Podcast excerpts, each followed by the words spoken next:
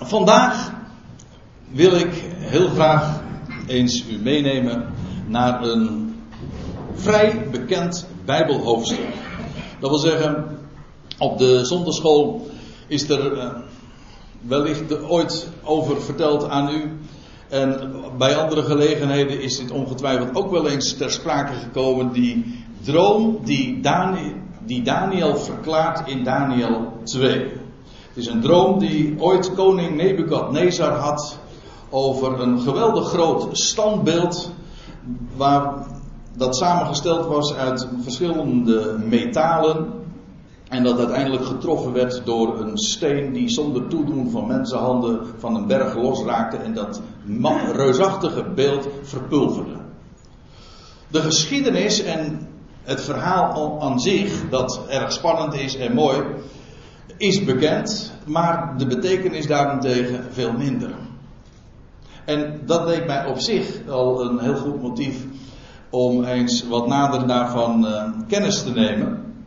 En ik heb het als titel gegeven, en die is op zich al omstreden: Vier Babelse Koninkrijken. We komen daar uh, in de loop van de ochtend en in de loop van de middag ongetwijfeld nog terug op terug. Hoezo deze titel?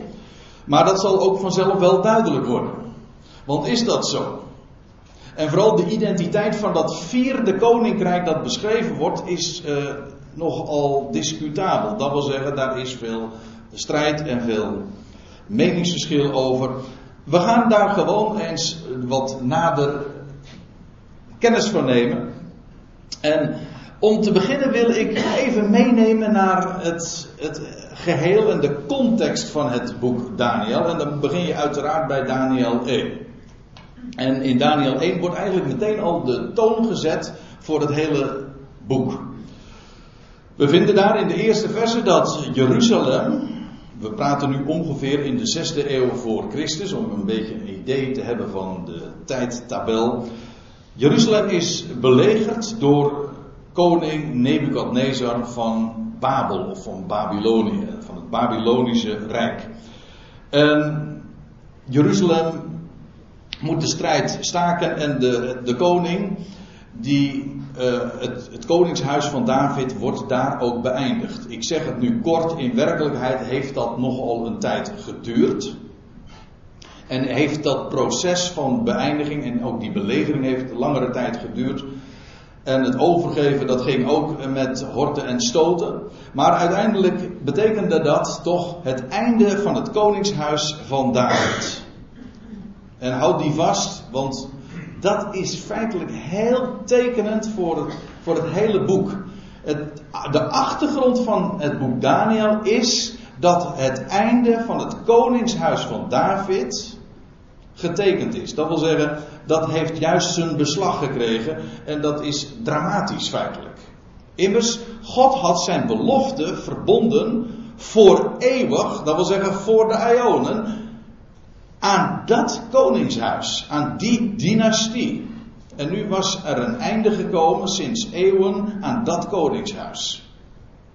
En daar komt bij niet alleen uh, Jeruzalem was overgegeven inmiddels en in de handen terechtgekomen van een vreemde bezetter. Maar bovendien, uh, de tempel zou ook uh, binnenkort verwoest worden. En de eerste fase, die wordt al beschreven in, in, het, in het eerste hoofdstuk dus van Daniel. Dan lees je dat Nebuchadnezzar heel oneerbiedig, dat is een enorme schande natuurlijk geweest voor het, voor het volk van Israël. Dat hij allerlei kostbare attributen uit de tempel meenam naar het land van Siniar. Siniar, dat is de landstreek dus waar de stad Babel, zeg maar, ongeveer 80 kilometer onder het huidige Bagdad, Bagdad uh, gelegen is. En in die landstreek, in die riviervallei van Siniar, waar ooit de geschiedenis al begon na de, na de zondvloed, als je een beetje Bijbelkennis hebt, dan weet je natuurlijk van de toren van Babel,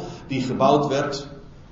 Alle, de menselijke geschiedenis na, uh, na de, de, de, grote vloed in de dagen van Noach, die begon juist in die contraien. Daar werd die reusachtige toren gebouwd, althans dat was mijn van plan. En daar lees je ook voor het eerst de naam Babel. Dat trouwens in het Galdeus, dat vind ik ook een leuke, dat is echt ironie. In het Galdeus betekent dat Babel uh, poort Gods. En weet u wat in het Hebreeuws betekent? Verwarring. En dat is ook de betekenis die je vast moet houden. Want het was bij die gelegenheid, en ik moet eigenlijk zeggen, op die plaats, dat God de taal van de spraak van de mensen verwarde, zodat ze elkaar niet meer begrepen. En zo werden de mensen uit elkaar gedreven. Maar dat begon allemaal in Babel. Dus de wereldrijken in deze aion, in dit wereldtijdperk, dat begon in de dagen van, van Noach, dat begon dus daar in Babel.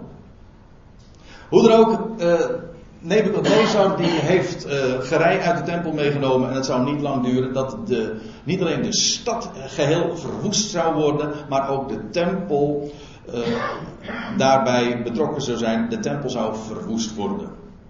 En dan, bij die gelegenheid, en dan komt Daniel in het eh, verhaal. Wat Nebukadnezar doet, is hij neemt de intelligentsia eigenlijk uit, de, uit het land, uit het bezette land van, van Judea en Jeruzalem. Hij neemt een selectie van jonge prinsen en edelen, waaronder dus Daniel en zijn drie vrienden. Uh, die neemt hij mee naar Babel. Hij deporteert ze. En er vinden eigenlijk in die periode verschillende deportaties. Je vindt het allemaal terug in de boeken Koningen en Kronieken. Verschillende deportaties vinden plaats naar Babel. Maar onder dus deze mannen. En Daniel, die de schrijver is van dit boek, eh, speelt daarin uiteraard de hoofdrol. We kennen hem allemaal onder de naam Daniel, hoewel hij van, de, van Nebukadnezar een heel andere naam meekrijgt. En daar is hij betrekkelijk onbekend mee. Belteshazzar, Belteshazzar, ja, zo moet ik het zeggen. Je hebt ook nog een andere Belshazzar, maar hij heette Belteshazzar. En zijn vrienden, die zijn trouwens wel weer bekend onder de namen die eh, Nebuchadnezzar gaf, namelijk Sadrach, Mesach en Abednego. Maar we kennen hun Hebreeuwse namen, hun oorspronkelijke namen, juist weer veel minder. Ganania, Misael en Azaria. Het is uh, wat vreemd gelopen met die namen. De namen trouwens die allemaal herinneren aan wie God is. Alle hun namen eindigen met L of met Ja. En L betekent God, de God, de beschikker, waar we, het, waar we de liederen over zongen, of, ja, en waar, ja, waar we ons toe richten. We hebben het over de God. Wel, hun namen herinneren daar allemaal aan, aan en aan Ja. Aan Yahweh, de naam van God. Ik ben die ik ben. Enfin, dat is wat in Daniel 1 dus beschreven wordt. Dat, eh, een, uh, dat die prinsen en edelen, of Daniel zelf ook een prins is geweest, dat weet ik niet. Of in elk geval, hij behoorde bij de, ja, de crème de la crème, zeg maar, van het Judese volk. En die, hij zou helemaal omgevormd worden naar het Babelse model. in, in no time bekleedt hij daar ook een geweldige positie. Maar hij krijgt eerst een opleiding van drie jaar. En dan worden ook nog beschreven over ja, kwesties over het dieet dat hij dan krijgt. Dat hij slechts groenten en water eh, neemt. En hij zag er na verloop van een aantal dagen gezonder uit dan wie dan ook. Enfin, dat wordt allemaal beschreven. Daar gaan we het uiteraard niet over hebben. Maar dat is wat dus Daniel 1 betreft. En dan komen we in Daniel 2. En Daniel 2 is een heel lang hoofdstuk. En als we vandaag Daniel 2 op het programma hebben staan, dan is het onmogelijk om in twee bijeenkomsten dat hele hoofdstuk te, met, met, goed fatsoen te behandelen. Dat doe ik dan ook niet. Ik behandel de eerste pakweg 25 versen gewoon eventjes met 7 mijls lazen gaan we er doorheen. Um, het is namelijk zo dat in Daniel 2 dus die droom beschreven wordt. Die Nebukadnezar had gekregen. En die hem zeer verontrustte. Alleen het punt was, hij wist zelf de droom niet meer. Of in elk geval, hij eist van de wijzen, de magiërs, en eh, ze worden met verschillende namen ook nog benoemd, die zouden moeten gaan vertellen wat hij gedroomd had.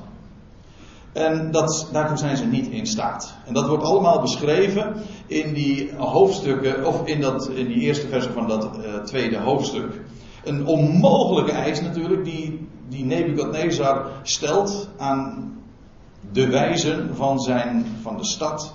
En dat moet je moet je voorstellen, dat waren, dat waren magiërs, mensen die zo enorm ja, de, de kneepjes van het vak kenden, die, die geheime kennis zich hadden eigen gemaakt, astrologie. Kortom, dat waren, dat waren, dat was de, dat waren de wetenschappers in, in die dagen. Wel, Nebuchadnezzar stelde als eis dat ze konden vertellen wat hij gedroomd had. Nou, dat was onmogelijk. En, nou ja, eh, met als consequentie dat hij hen ook zou uitroeien. Nebuchadnezzar was zeer verbolgen daarover. Hoe onmogelijk de eis ook. Maar de macht van die Nebuchadnezzar was absoluut. Dat is ook een van de redenen waarom hij genoemd wordt het gouden hoofd. Dat wil zeggen, hij had een macht die inderdaad uh, ongeëvenaard was. Wel, geen van die wijzen bleek daar uiteraard toe in staat te zijn. En dan komt Daniel, die nog steeds in opleiding was. Uh, die verneemt daarvan. En het is uh, Daniel die dan ook zijn eigen lot en dat van zijn vrienden. het, ja, hij, ziet, hij ziet het ook voor hen zwaar in. En hij gaat in gebed. En hij erkent God als degene die de die verborgenheden openbaart. En God openbaart hem in een nachtgezicht, en dat zal nog een aantal keren meer in het boek Daniel gaan plaatsvinden.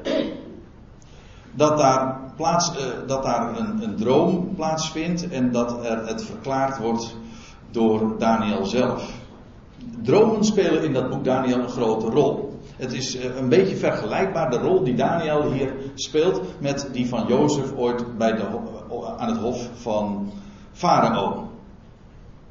Nou, dat gezegd hebbend, haak ik in bij het 26e vers van Daniel.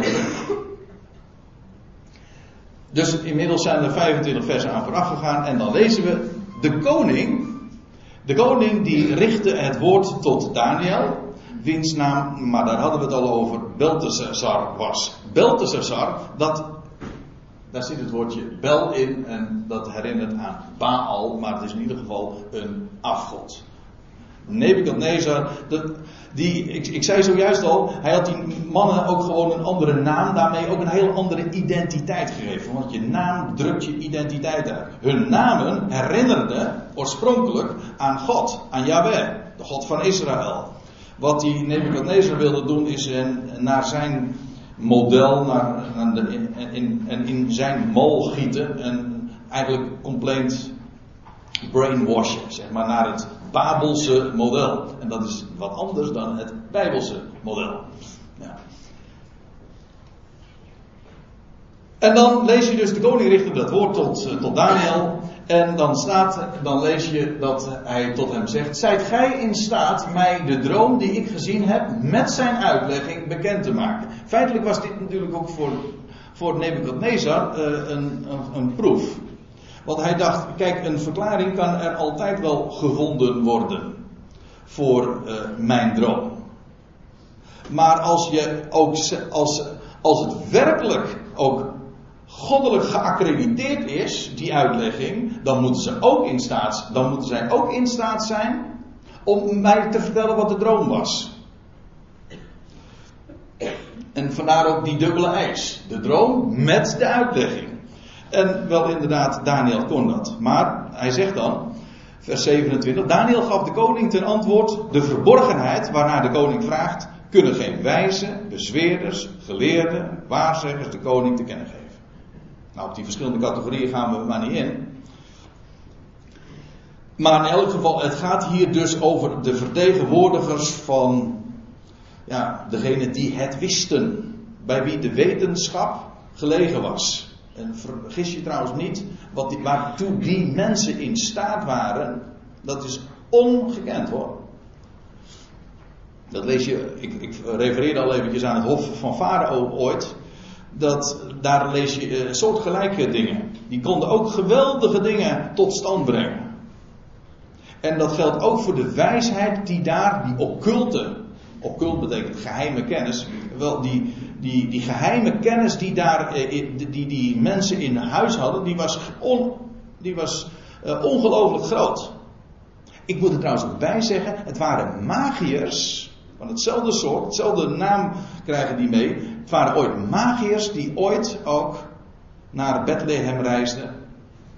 Omdat ze aan de hand van de sterrenbeelden en de sterren kon, hadden ontdekt dat de koning der Joden geboren moest zijn. Ik bedoel, dat ook aan te geven, die kennis daar moet je, die, die moet niet zomaar van tafel vegen alsof dat niks voorstelt. Integendeel zelfs. Maar dit was onmogelijk, dat kan geen mens. Dat, en dat is waar Daniel ook meteen mee begint. Dat, kan dat is geen menselijke wijsheid, dat is ver buiten de competentie van welk mens dan ook. En dan vers 28. Maar er is een God in de hemel die verborgenheden openbaart. Hij heeft, en hij, dat is die God in de hemel, hij heeft de koning Nebukadnezar bekendgemaakt wat in de toekomende dagen, letterlijk de latere dagen, geschieden zal. Uw droom en de gezichten die u op uw legersteden voor ogen kwamen, uw bed. Ja, wij zeggen dat niet meer, ik lag op mijn, op mijn legersteden, maar het is gewoon, uh, ik lag op mijn bed. Ja, moet je nagaan, dit is een vertaling uit 1951, maar het zijn volstrekt in onbruik geraakte termen. Enfin, dat, uh, dat was dus met die uh, Nebuchadnezzar het geval. Wel, uw droom en de gezichten die op uw legersteden voor ogen kwamen, waren deze.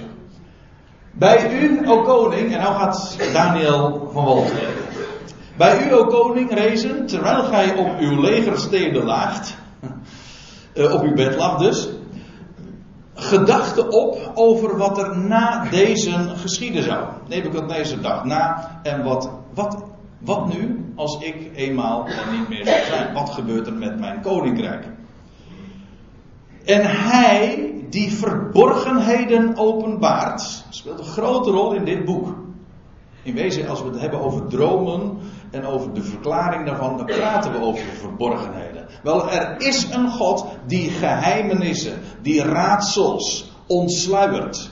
Waar de mens geen idee van heeft, wel daar weet God uiteraard wel raad mee. Daarom is hij ook God.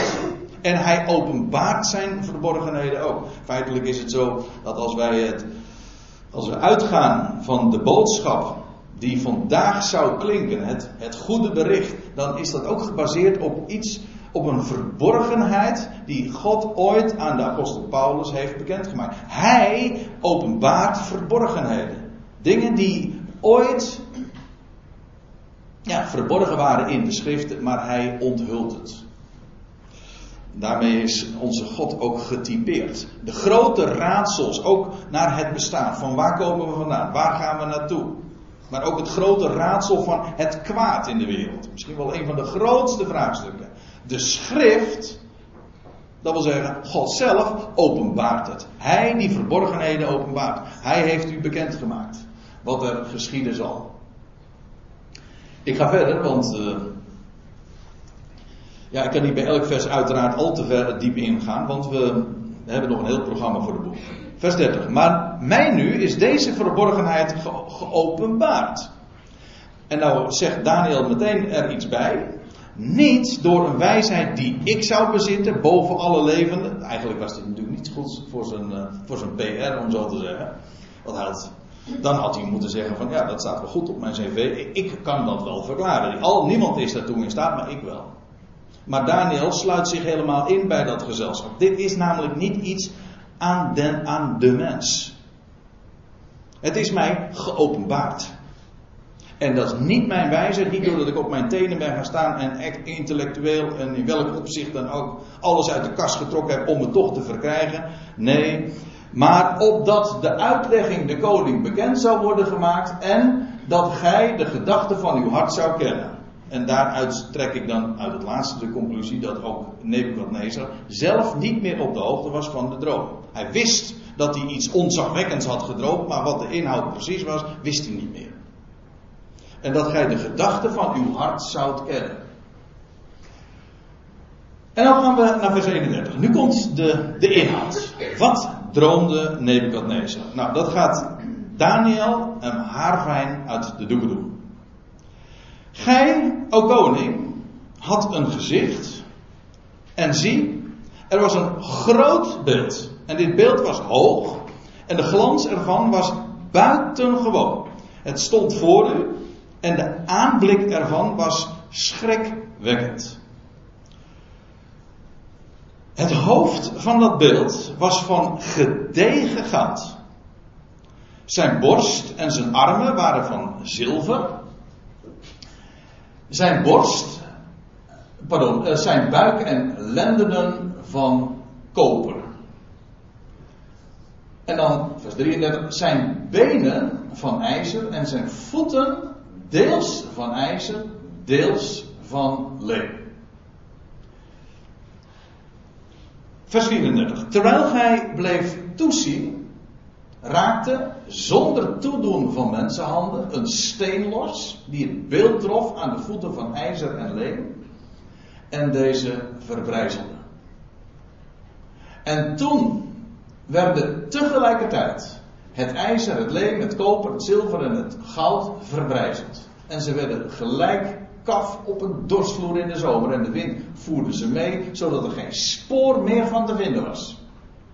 Maar de steen die het beeld getroffen had, die werd tot een grote berg die de hele aarde vulde. Alsjeblieft, Nebuchadnezzar, dat was de droom.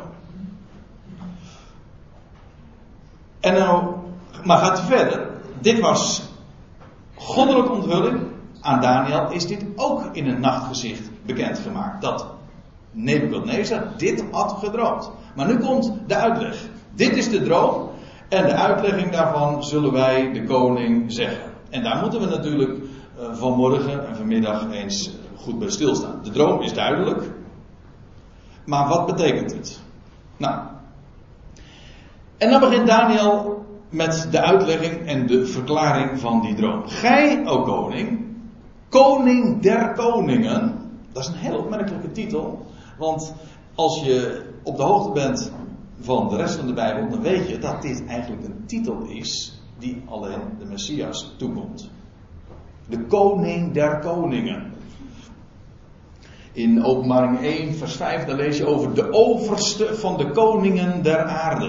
Dan gaat het over Jezus Christus, die opgestaan is uit de doden. Openbaring 17, vers 14 wordt hij letterlijk ook genoemd de koning der koningen. Wel, van Nebukadnezar lezen we een soortgelijke term. Een soortgelijke, exact dezelfde term. De koning der koningen. Hij was de koning die boven alle koningen stond. Het was niet zo dat, als, dat hij alle koninkrijken uh, en alle koningen verving. Nee, hij stond, hij was een koning boven al die koningen. Het wil dus ook niet zeggen dat hij al die, uh, al, al die koninkrijken onder de voet had gelopen. Maar al die koningen waar ook ter wereld, waren onderworpen en ondergeschikt aan zijn bevel. Koning der koningen. Daarom uh, wordt hij ook inderdaad het gouden hoofd genoemd. Geen van de rijken die na hem zou komen, zal dat ooit nog bereiken. Want Daniel zegt ook: Gij zet het gouden hoofd en al die navolgende koninkrijken en koningen die over die koninkrijken zouden heersen, zouden ondergeschikt en, en ook inferieur zijn. Minder waard dan. Uh, en sterker nog, het is niet alleen zo dat al die koninkrijken minder, waardig, minder waard zouden zijn qua macht dan ooit Nebuchadnezzar, maar het blijkt zelfs ook een dalende lijn te zijn. De autoriteit wordt steeds minder. Maar van Daniel lees, van deze uh, Nebuchadnezzar lees je dus, hij wordt genoemd koning der koningen, aan wie de God des hemels het koningschap, macht, sterkte en eer geschonken heeft. Ook hier zie je weer zo, zo schitterend, en dat gaat als een rode draad door het hele boek, natuurlijk door de hele Bijbel, maar juist in Daniel wordt het zo beschreven, dat het God is die ook koninkrijken plaatst. Koningen plaatst, maar ook weer afzet. Gewoon wanneer het hem goed dunkt. Maar het is de God des hemels. En bij die term wil ik toch eens eventjes wat nader stilstaan. Hij wordt genoemd de God des hemels. Elders lees je in de Bijbel dat God ook genoemd wordt de God van hemel en aarde. En ook de God van de ganse aarde.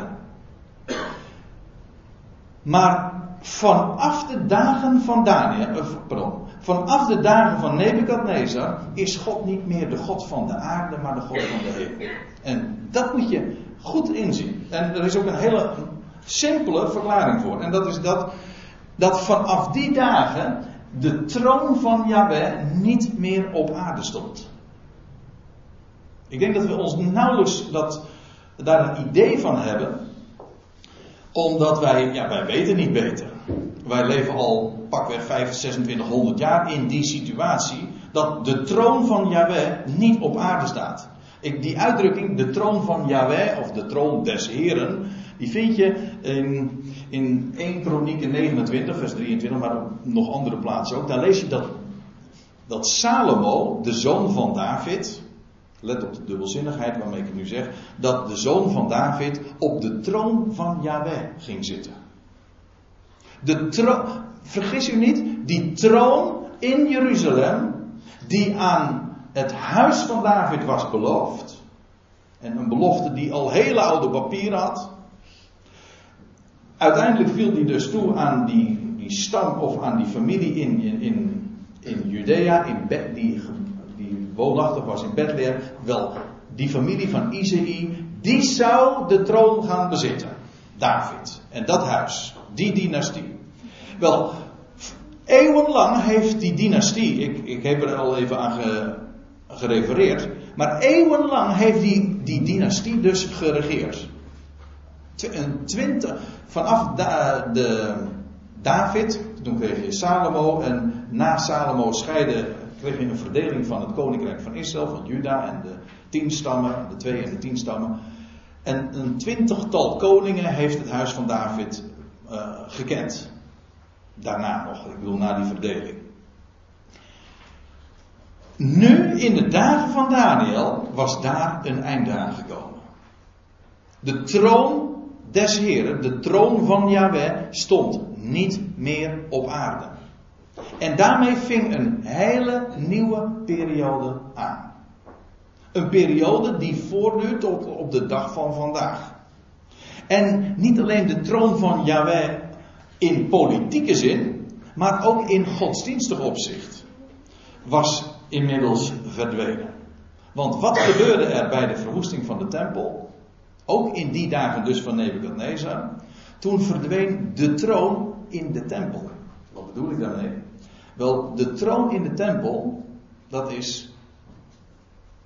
Ja, ik, nou, kijk uh, op de sheet. Ik, ik, heb het al ik heb het al vermeld, dat was ik even vergeten. Maar inderdaad, dat is de ark.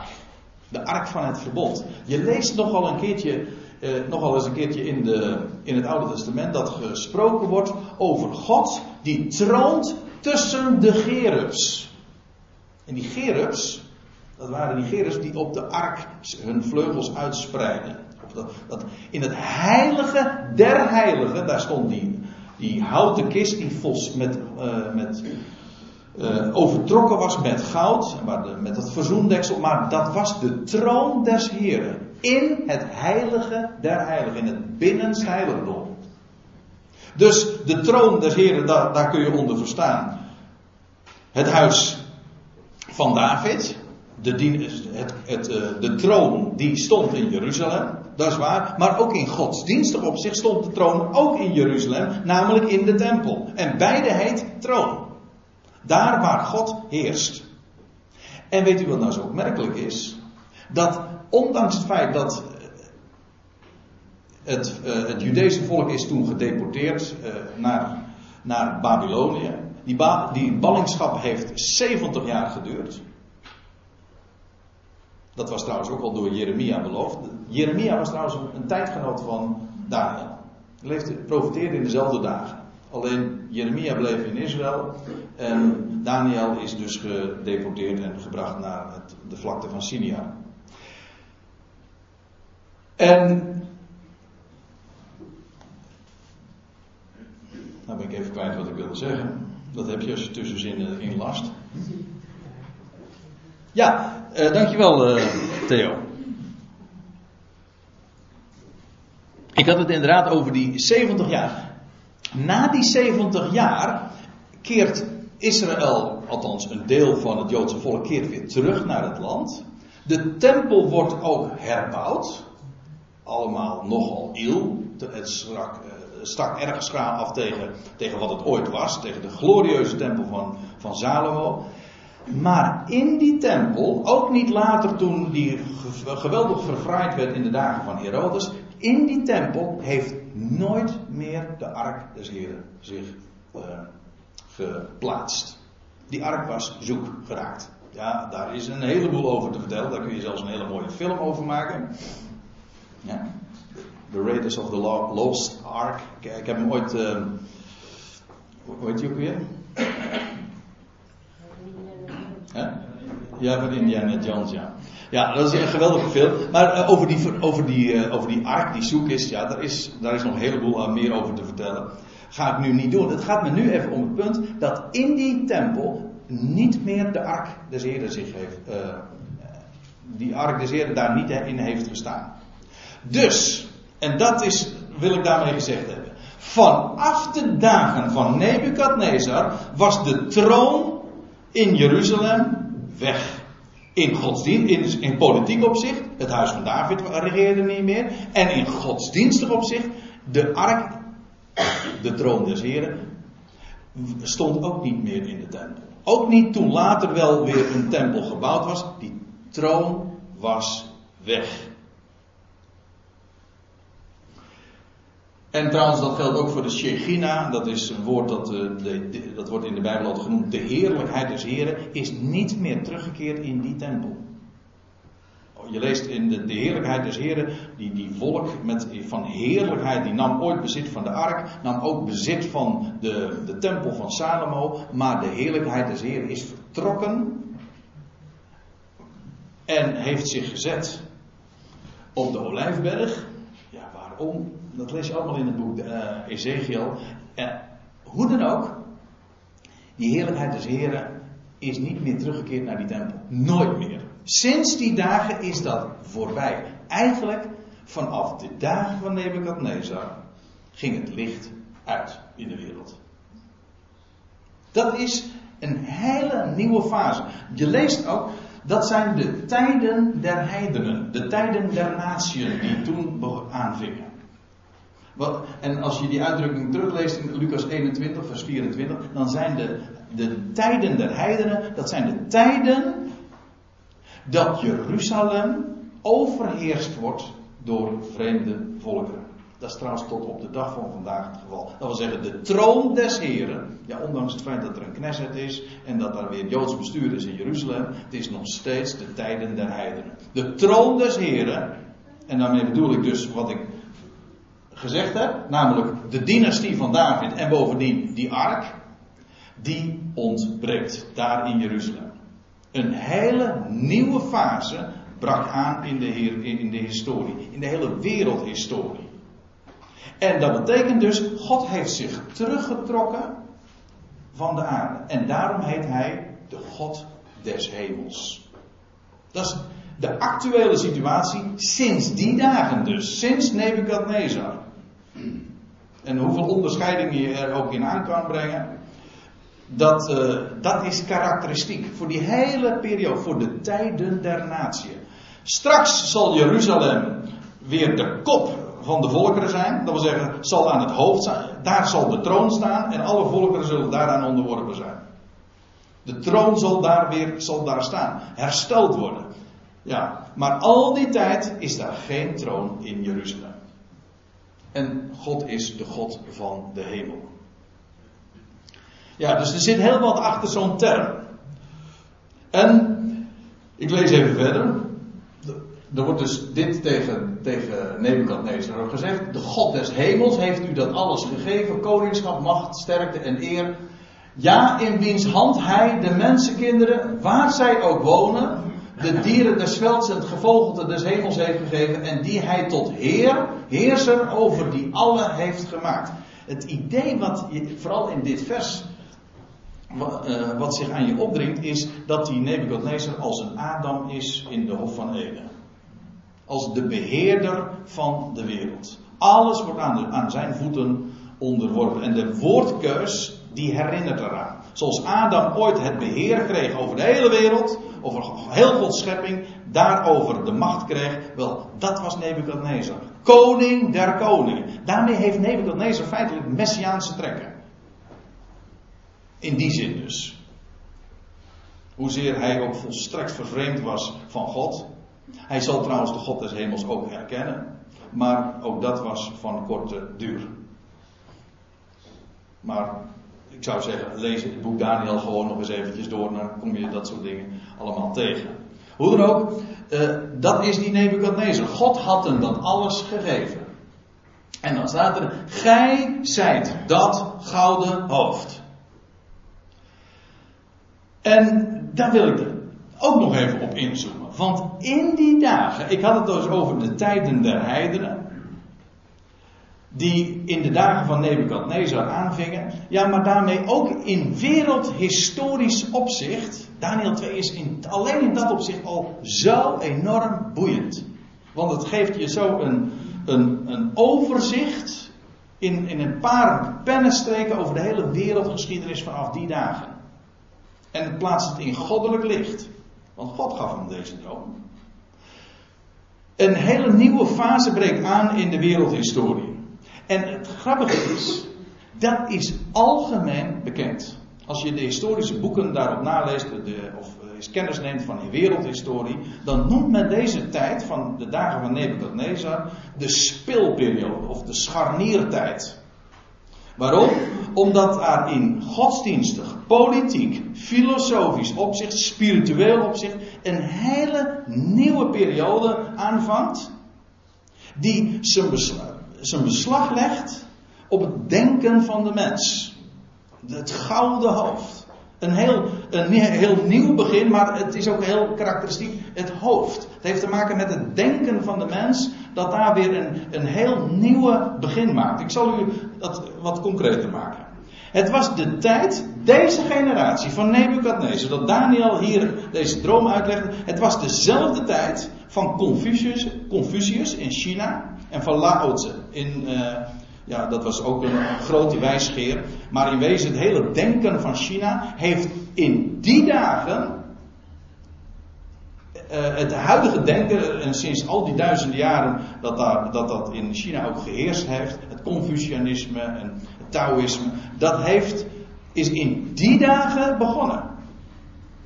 Het waren tijdgenoten dus van, van Daniel en van Nebukadnezar. Maar niet alleen in China, het was ook Boeddha. Boeddha was een tijdgenoot van Daniel en van Nebukadnezar. Het boeddhisme ontstond. In Perzië had je de bekende naam van Zarathustra. Ja, voor, niet voor iedereen zullen al deze namen zo heel erg bekend zijn. Maar als je enigszins op de hoogte bent van de wereldhistorie, van de grote godsdiensten en ook de denkstromingen, dan zijn dit de namen die, ja, die zo uh, zo klinken als, als richtinggevend. Maar die, die periode is, is heel eigenaardig omdat in al die verschillende landen, in al die contraien van de wereld, traden mannen op, mensen op, die een, een heel nieuw denken inluiden. En wat is de overeenkomst? Ja, de tijd. Het, het was de speeltijd. Een hele nieuwe periode ving aan. Wat dacht u van Pythagoras? En ook van Thales in, in Griekenland. Ik heb het juist gisteren nog eens even nagekeken. Maar van Thales lezen we dat hij, hij wordt beschouwd als de eerste westerse wijsgeer. En Pythagoras, nou die kennen we allemaal nogal, was het maar wel vanwege hè, zijn stelling. Ja. Maar Pythagoras is de grote grondlegger in feitelijk van het Griekse denken. De leer van de onsterfelijkheid der ziel komt bij Pythagoras vandaan. Wat ook opmerkelijk is, het Jodendom is ook ontstaan in die dagen. Dat is misschien eh, wat vreemd in, dat klinkt wat vreemd in uw oren, maar toch is het uh, gemakkelijk aan te tonen. Want de, het Jodendom, je kunt zeggen van ja, dat is toch begonnen met de, de wet van Mozes, bij de Sinaï, ja, maar de godsdienst met alle regels die daarbij komen, dat is ontstaan in Babylonië. De Talmud ontstond in Babel. En daarmee de, de Joodse godsdienst, en zoals die vorm is gegeven in de orthodoxie, die, is, die vindt uh, haar oorsprong niet in, bij de wet van Mozes, aan de berg maar in Babylonië, in, uh, in de dagen dus van Daniel. Ik zou dit nog uh, veel uitgebreider kunnen uiteenzetten. Ik, heb jaren geleden eens een keertje hier een Bijbelstudie ook aan gewijd. Nou ja, niet alleen maar Bijbelgeschiedenis. Het is niet alleen maar Bijbelstudie, het is dan ook gewoon wereldhistorie. Wereldhistorie in het licht van de schrift. Maar een hele nieuwe fase brak er toen aan. De tijden der heidenen. Het licht ging uit.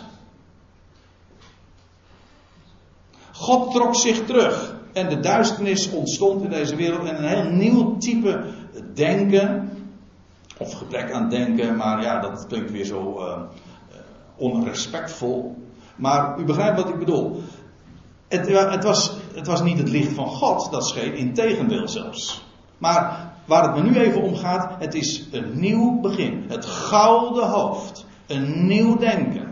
Dat vond alles zijn beslag in die dagen. Dat was dus Nebuchadnezzar. We hebben het nog maar over die, over die eerste fase. Wacht even, moet ik het even goed doen. Nou, ik ga maar even verder dan toch. Ja. Het hoofd. Nebuchadnezzar. Nebuchadnezzar en als representant van het Babylonische Rijk. Hier worden koning en koninkrijk even in één adem genoemd. En dan, vers 39. Doch na u zal een ander koninkrijk ontstaan, geringer dan het uwe. En dat is inderdaad gebeurd. Het wereldrijk van de Meden en de Persen. Ik kom er straks nog even op terug, want elders in Daniel worden ze ook nog genoemd. En worden ze veel uitgebreider beschreven, want feitelijk wordt alleen in deze droom het gouden beeld duidelijk gedefinieerd. En het vierde, het vierde koninkrijk. Dat wordt ook uitgebreid beschreven. Maar de tussenliggende, de tweede en de derde, nauwelijks. Ze worden genoemd. En ze worden, er wordt ook gezegd van uh, ja, de ontwikkelingslijn. Feitelijk is het een devaluatie. Kijk, wij spreken over evolutie, alles wordt beter. Maar in feite wat hier beschreven wordt is een, een gang van goud naar zilver, naar koper, ijzer. En uiteindelijk eindigt het in een combinatie van ijzer en leem. Een neergang. Geen evolutie, maar devolutie. Na u zal een ander koninkrijk ontstaan, geringer dan het uwe. En ik heb er even bij vermeld, ook daarvan is de hoofdstad Babel. Daniel heeft dat nog meegemaakt. Hè? Inmiddels, ja, echt waar. Je leest uh, dat Daniel, was die, hier, kijk, hier in, bij deze gelegenheid was nog een jonge vent. Een, een jonge prins of een jonge edele die in opleiding was. Maar in Daniel 7 lees je dat, hij, dat Daniel zelf een droom krijgt was hij inmiddels 84 jaar oud. Dus, uh, maar nee, ik zeg het nu niet helemaal correct, maar uh, dan, dan, het is namelijk bij een nog latere gelegenheid, dat Darius, Darius de Meder, koning Darius, dat was inmiddels van het nieuwe koninkrijk, dit, dat hij de macht overnam. Maar Daniel is gewoon in zijn positie gebleven. En ook wat uh, dat nieuwe koninkrijk deed, er kwam een ander volk. Maar die koos ook gewoon als hoofdstad Babel. Dat is heel, dat eigenaardig. Dus ondanks het feit dat het een ander koninkrijk betrof, ander volk, de Meden, de Persen, bekend. Maar het was al inferieur in macht. Want een, zelfs een, een machthebber van de Meden en Persen, en dat, daarvan vind je zo'n fraai voorbeeld in, in het boek Daniel zelf. Een machthebber die uh, iets had besloten, die kon daar zelf niet meer van terugkomen. Dus hij was onderworpen en ondergeschikt aan zijn eigen besluiten. Een wet, dat kennen we allemaal, een wet van mede en persen.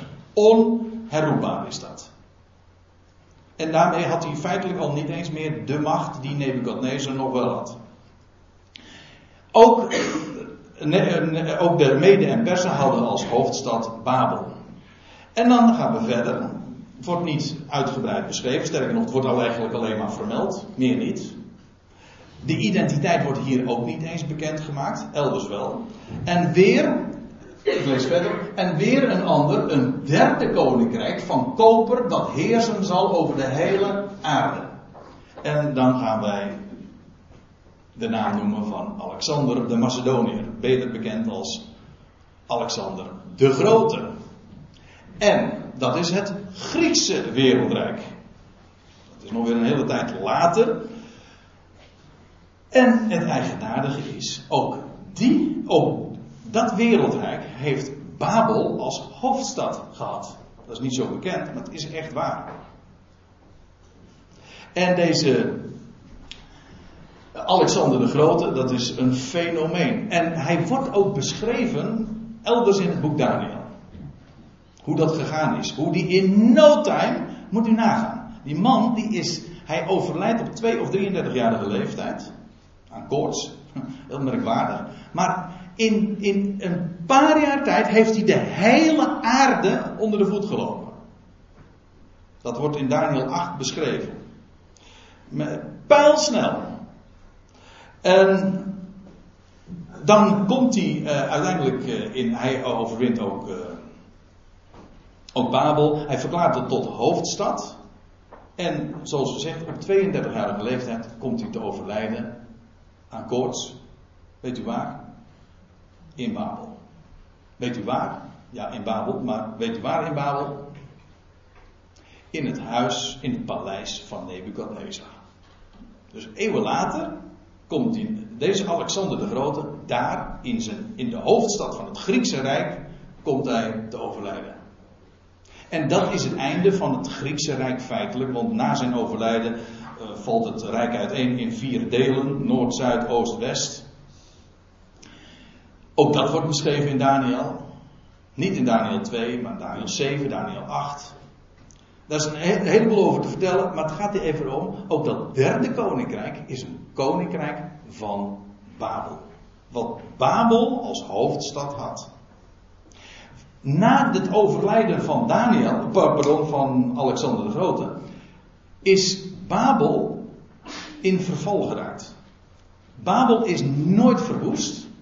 Babel zou wel verwoest worden. De Bijbelse profeten spreken erover dat Babel in één keer verwoest zal worden. Maar tot de dag van vandaag is dat nooit vervuld.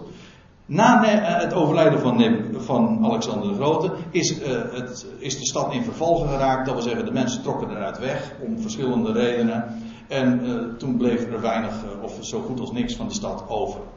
Het was slechts een, een gehucht geworden. Dat is in betrekkelijk korte tijd is de, de stad eigenlijk ontmanteld. Dus er, is, er is niks van overgebleven. Maar verwoest is de stad nimmer. Dat wacht nog steeds. De profetieën die over, over Babel gedaan zijn, namelijk dat het verwoest zou worden. Het laatste koninkrijk zou een koninkrijk van Babel zijn.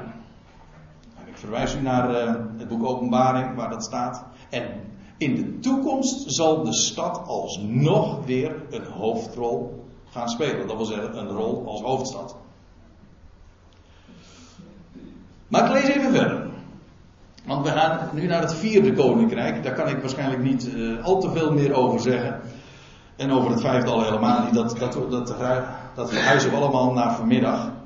Vanmiddag wordt het, uh, uh, dat zeg ik eventjes voor degenen die, die denken van ja, zal ik hier blijven. Vanmiddag wordt het echt steen goed. ja, echt waar.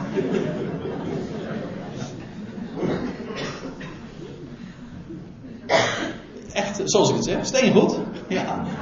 Het gaat, het gaat over die goede steen. Ja. En, want, dan, uiteindelijk, daar gaat het om. Het gaat niet om die vier koninkrijken. Nou ja, de picture komt, uh, of de, de, schijnwerpers worden geplaatst op die eerste, het gouden hoofd. Maar ook dat vierde koninkrijk, dat wordt wat uitgebreider beschreven. Maar het gaat om de afloop. Dat vijfde rijk. Dat stenen koninkrijk. Dat is de hele doel, en uh, dat is het hele doel en de, het oogmerk van, van, van dit hoofdstuk en waar het allemaal om draait. Goed, vers 40. En een vierde koninkrijk zal hard zijn als ijzer, juist zoals ijzer alles verbrijzelt en vermorzelt, en gelijk ijzer dat vergruizelt, zal dit die allen verbrijzelen en vergruizelen. En wat wordt er hier altijd over gezegd, over dat vierde koninkrijk? Dat is het koninkrijk van de Romeinen. Dat is het Romeinse Rijk. Dat wordt gezegd. Maar laten we eens eventjes verder gaan.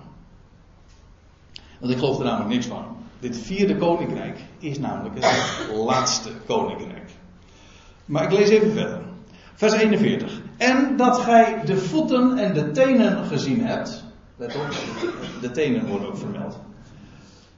Dat gij de voeten en de tenen gezien hebt, deels van pottenbakkersleem, hou vast, van pottenbakkersleem, en deels van ijzer, betekent dat dit een verdeeld koninkrijk wezen zal.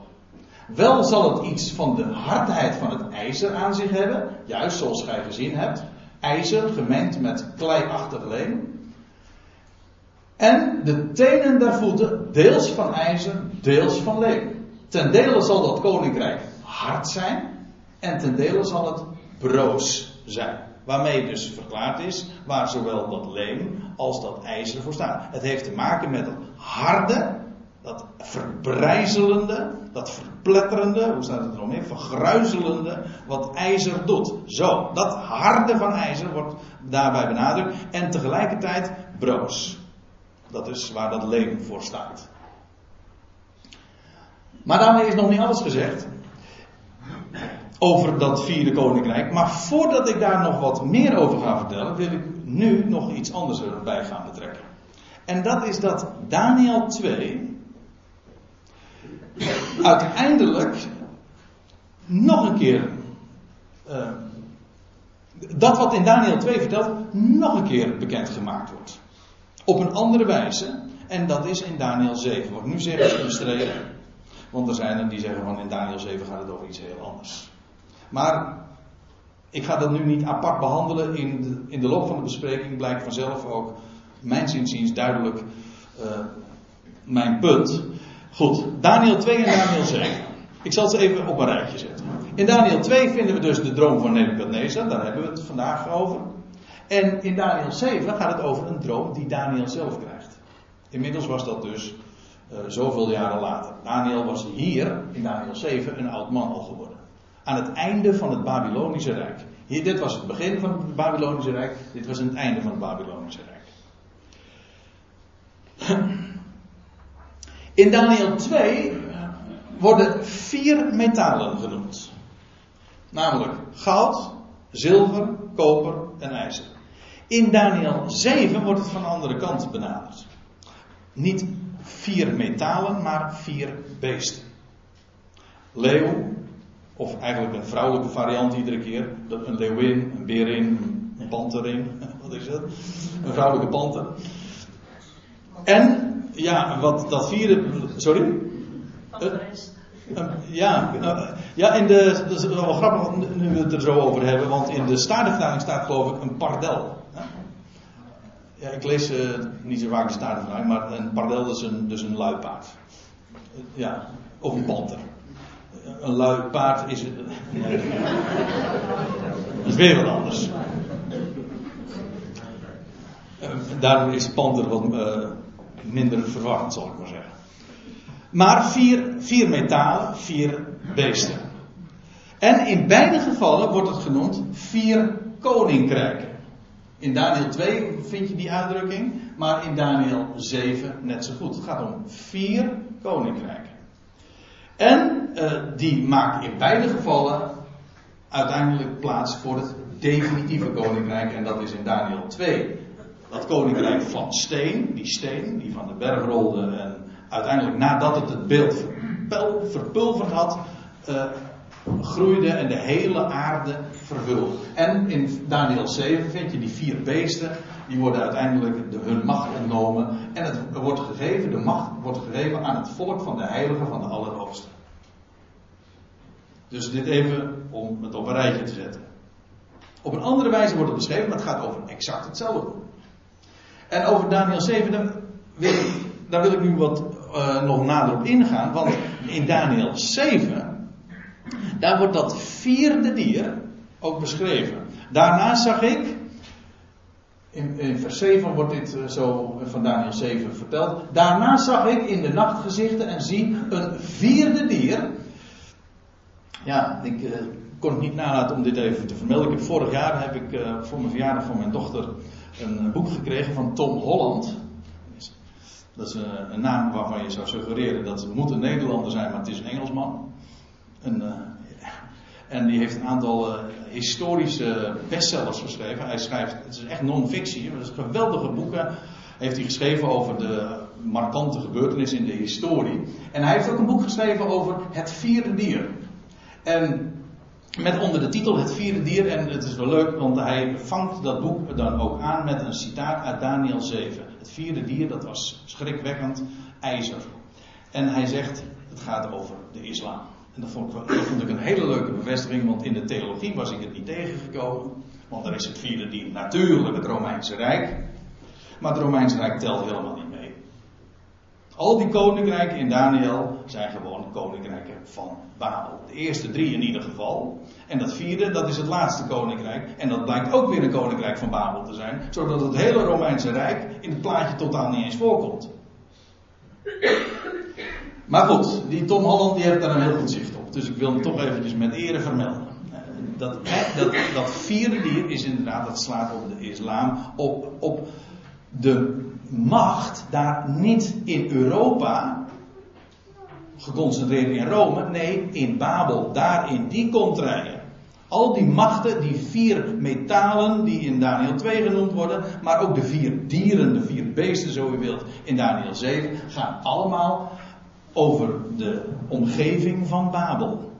In een hele wijde omtrek, natuurlijk. Maar in ieder geval wereldrijken. Goed, daarna zag ik in de nachtgezicht en zie een vierde dier vreselijk schrikwekkend en geweldig sterk. Dat grote ijzeren tanden, let op. Want ik, ik, heb het eventjes in kapitaalletters vet gedrukt. Waarom? Om de connectie te laten zien. Tussen dat vierde koninkrijk in Daniel 2 en dat vierde koninkrijk in Daniel 7.